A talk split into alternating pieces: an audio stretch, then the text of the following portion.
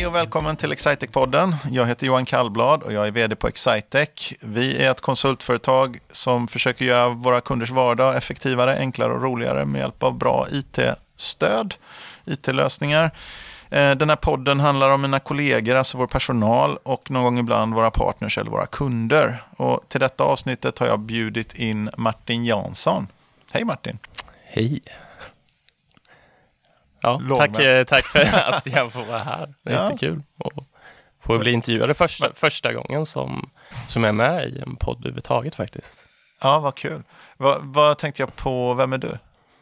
Ja, men jag, jag jobbar som sagt på, här på Excitec och jag är utvecklare och jag sitter och programmerar om dagarna skulle man kunna säga. Eh, och, nej, men jag, gör, jag gör applikationer åt våra kunder.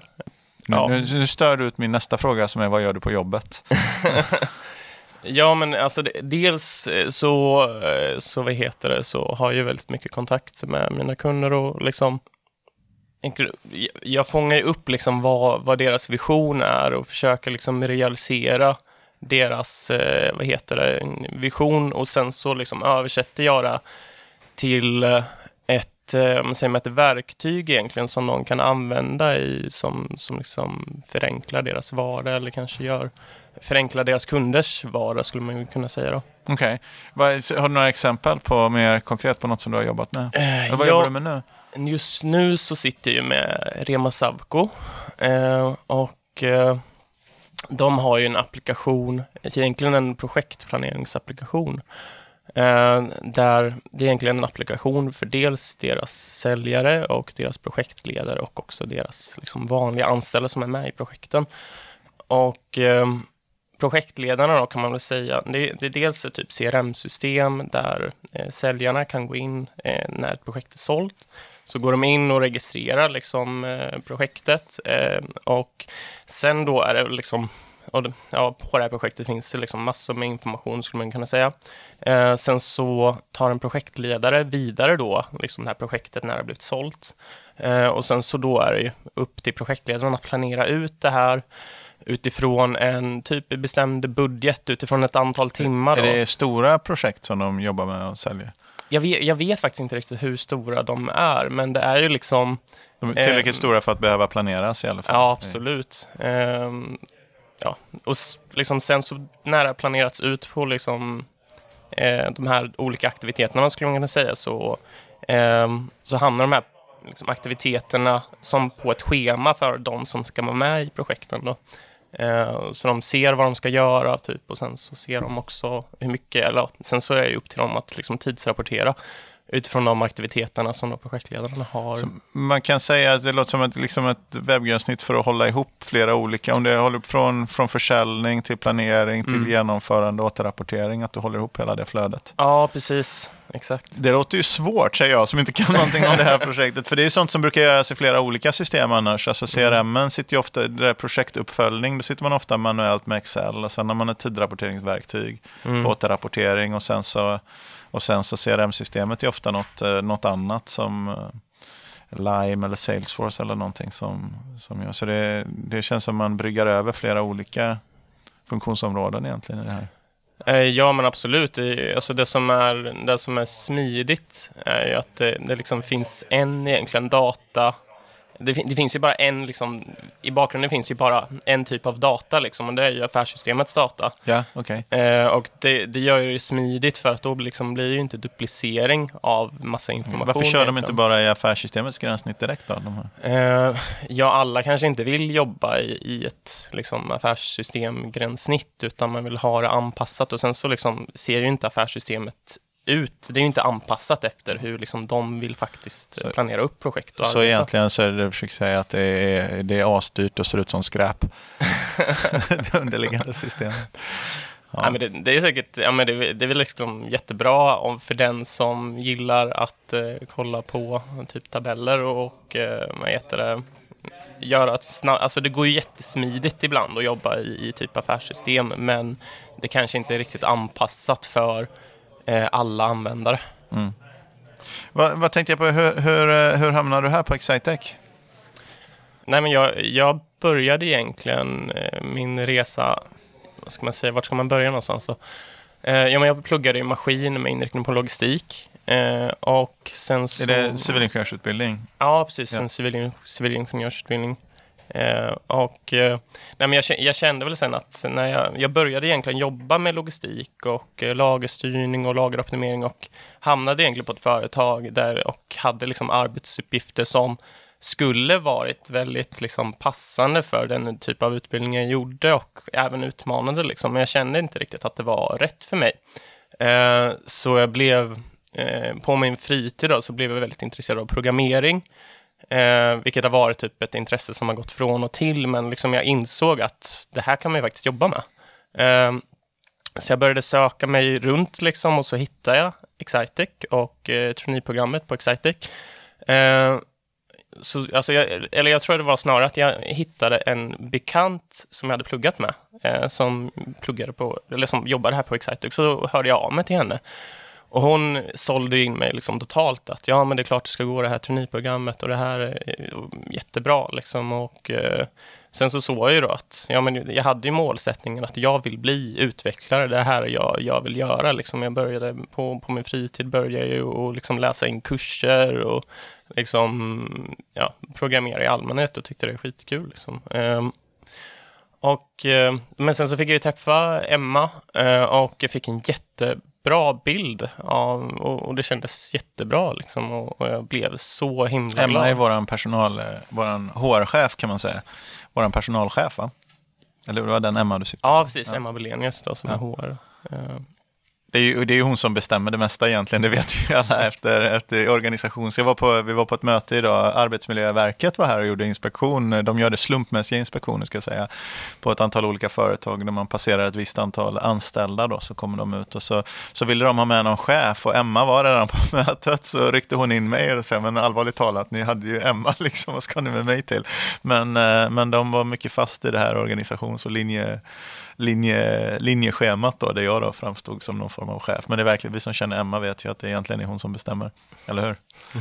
ja, absolut. Ja, jag vill inte säga det vi, jag intervjuade dig, kommer du ihåg det? Mm, ja, men det kommer det kommer jag ihåg och det var ju, det var ju första gången jag träffade dig också där. Ja.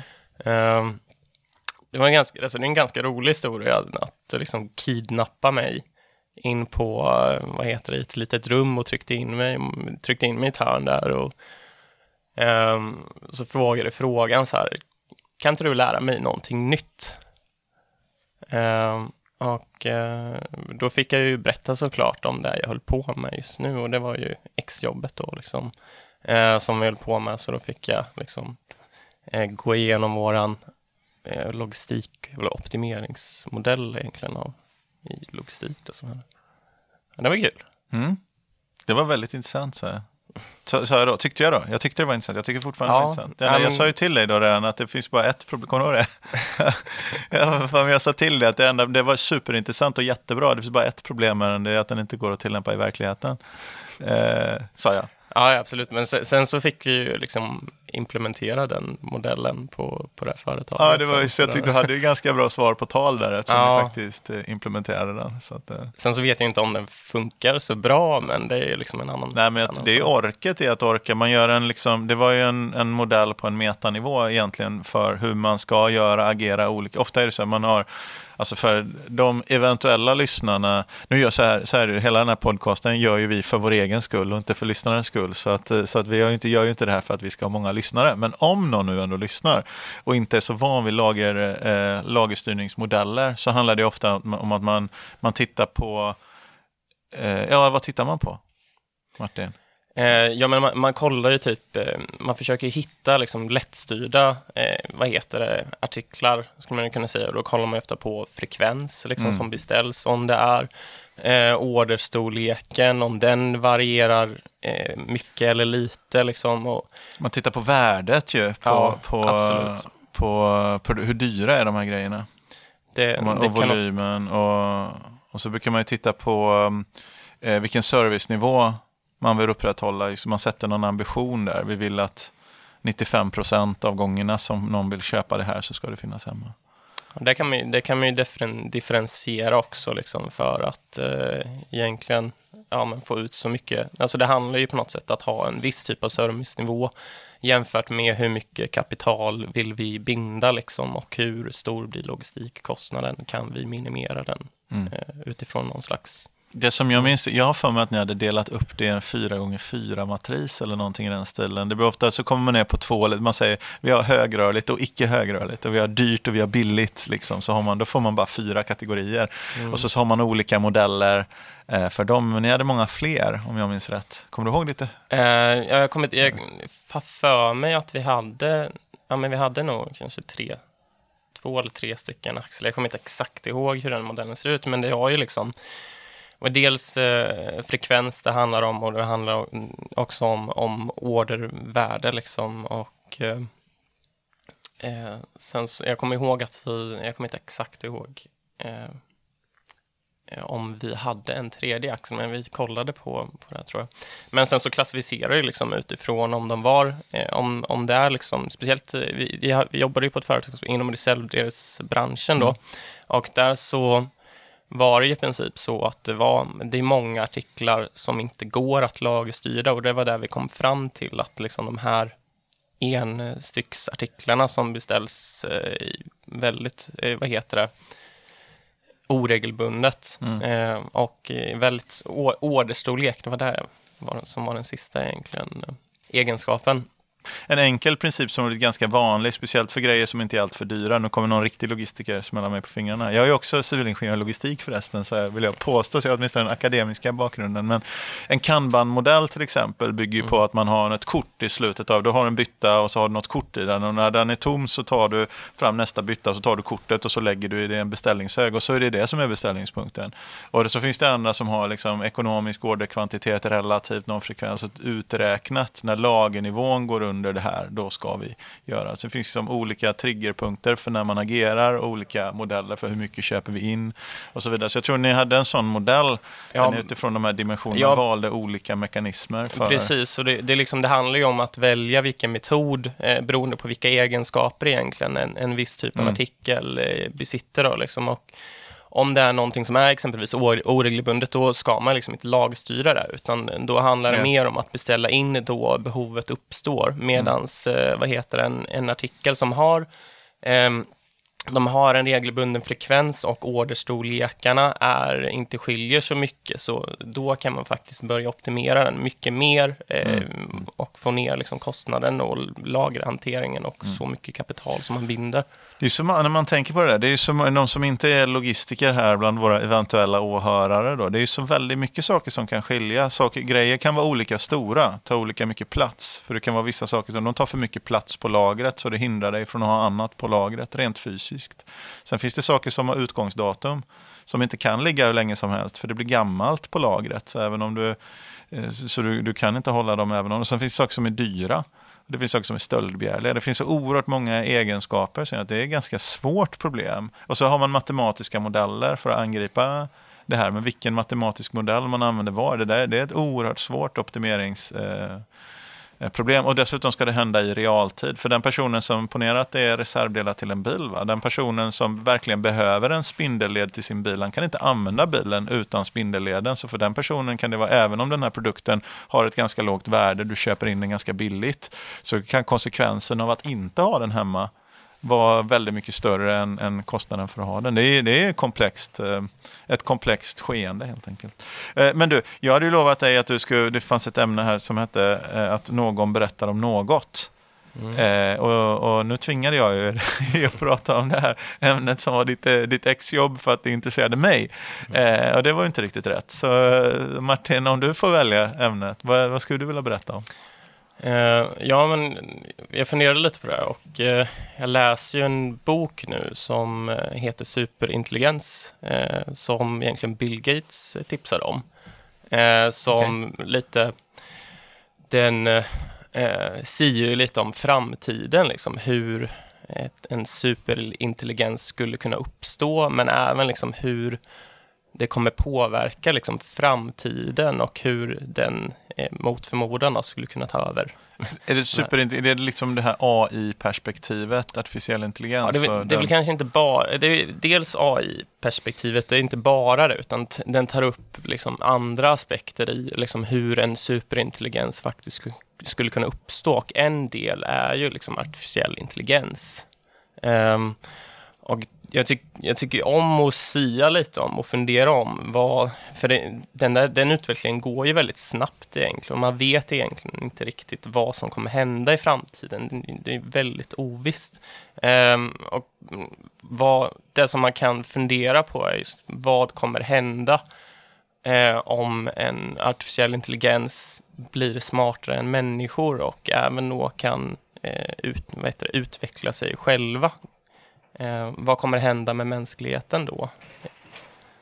Eh. Är det en dystopi eller en... Eh... Alltså det kan, det kan ju, det som är grejen att man, man, det de pratar om i boken där är ju att vi har ju egentligen bara en chans på att göra rätt. Och då är det väldigt viktigt eh, att, att vi är försiktiga och det är många egentligen, alltså kända personer eh, inom liksom, området som har gått ut och varnat om den här typen av, av liksom, eh, som en teknik skulle man kunna säga. Då. Mm. Eh, men det är ju egentligen ingen som vet vad som faktiskt kommer, kommer hända eller om, om det kommer hända. Det enda vi, vi vet på något sätt är att ja, det, det kanske kommer vända upp och ner på vår vardag på något sätt. Mm.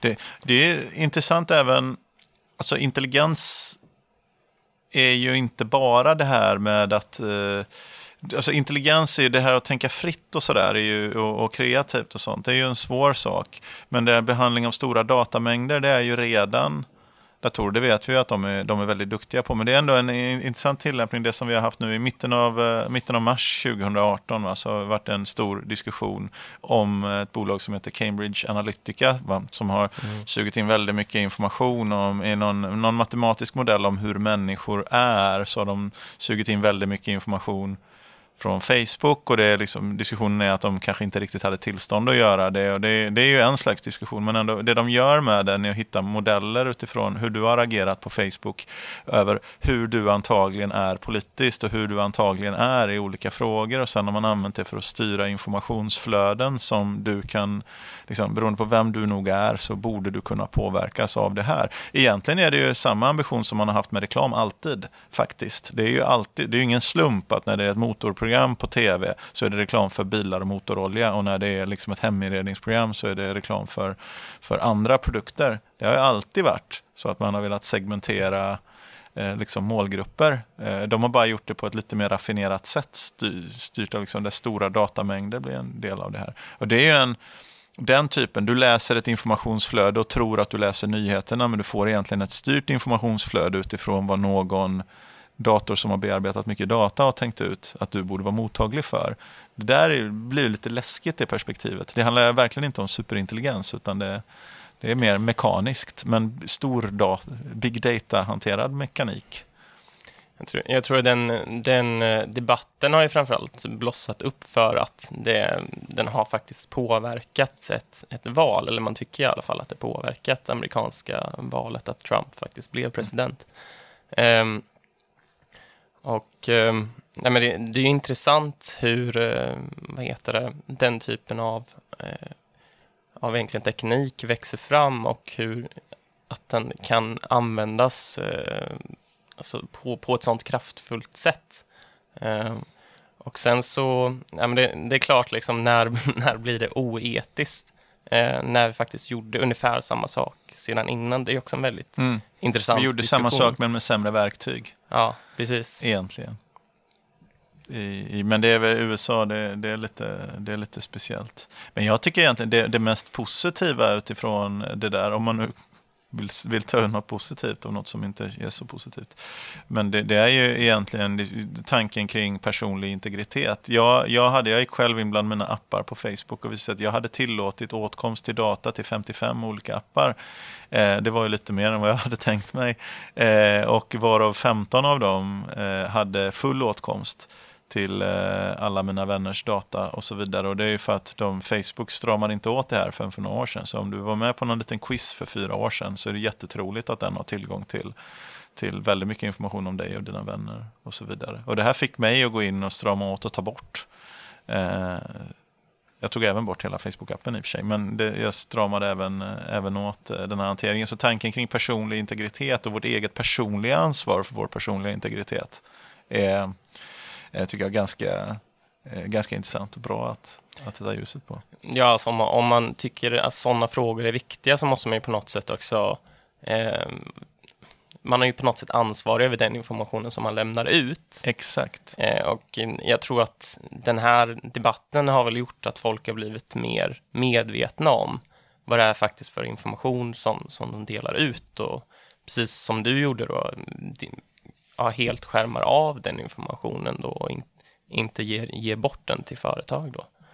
Mm. Men samtidigt är det ju svårt för att det, de, de här plattformarna är ju någonting som, som alla använder, så det är svårt att liksom bara ta, ja, lämna. Absolut. Men det finns en stor liksom, gräns mellan att avgränsa sig eh, och att eh, liksom, skära bort sig och att avgränsa sig. Men jag tycker det, det, det där är Ehm, det var ändå bra att få ljuset på det där. Jag tror de flesta har ännu inte gått in och gjort. Väldigt många blir upprörda över vad vi upplever som är påverkan på presidentval, men det är ganska få som tagit steget och sagt vad, är det, vad lämnar jag själv och vad gör jag själv för någon och tar ansvar. Vi kan helt enkelt inte, åtminstone inte vi som är uppvuxna generationen innan de här plattformarna var, var överallt närvarande. Vi kan kanske inte riktigt eh, förstå oss på det här ännu. Vi har inte lärt oss än vad det är vi ska göra och inte ska, inte ska göra.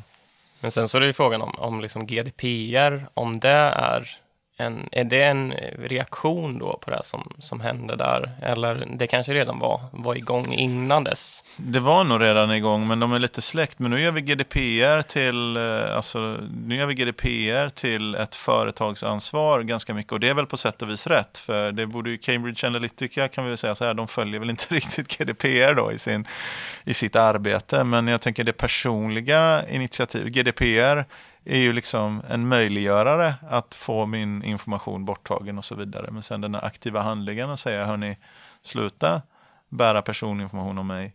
Den måste ju också ligga, liksom mitt personliga ansvar finns ju där, där också. Eh, superintressant och oerhört stort ämne faktiskt. Mm. Eh, kan man väl lugnt säga. Du, finns det någonting som, eh, som, du vill, eh, som du vill tillägga här Martin? Vad tycker du om Excitec? Eh, ja, men jag, jag gillar verkligen Excitec och jag gillar att, ja, men jag, jag trivs väldigt bra. Liksom. Jag gillar att gå till jobbet varje dag och, och det jag gör helt enkelt. Och tycker att vi har, nej, men de, de kollegorna som man har är verkligen liksom personer som eh, nej, men de, de, är väldigt trevliga att jobba med. Liksom. Jag tycker att vi har en bra eh, bra arbetsklimat och kultur här. Kommer du från Linköping förresten? Ja, det är ja, du är en äkta, äkta Linköpingsbo. Har vi många sådana? Ja, men vi har, jag vet faktiskt inte riktigt om vi har, vi har väl några stycken, men de flesta kommer väl eh, från eh, Linköpings universitet ja, det är, på ett det är ganska många. Jag tror någonstans 60 procent här för mig, Emma sa, kommer ha en bakgrund på Linköpings universitet. Det är rätt mycket. Men det är ju så, det, det, det är svårt att vara välkänd överallt när man inte är så stor. Vi skulle väl gärna ha folk som kom från många andra universitet här också. Men det är ganska många som har pluggat i Linköping och sen går vidare och kanske jobbar på vårt kontor i Stockholm eller något sånt. Eh, också. Jag skulle fråga, finns det någonting du vill tillägga som vi har glömt att på, på det ofantligt stora ämnet? Ja, eller om något annat som du skulle vilja ha sagt, för det var ju podcastpremiär sa du ju här. Jag vet, jag vet inte riktigt. Det är något vad... som du vill rekommendera?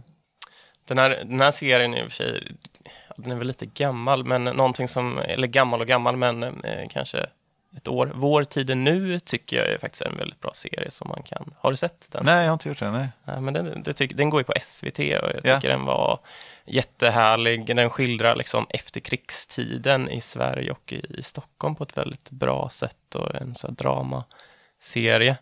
Um, jag tror, jag vet inte riktigt om man kan se den fortfarande på SVT. Men det, det brukar säkert. finnas i, på SVT Play, brukar de ligga ett tag. Mm. Kan prova det. Vår tid är nu alltså, en rekommendation från Martin Jansson.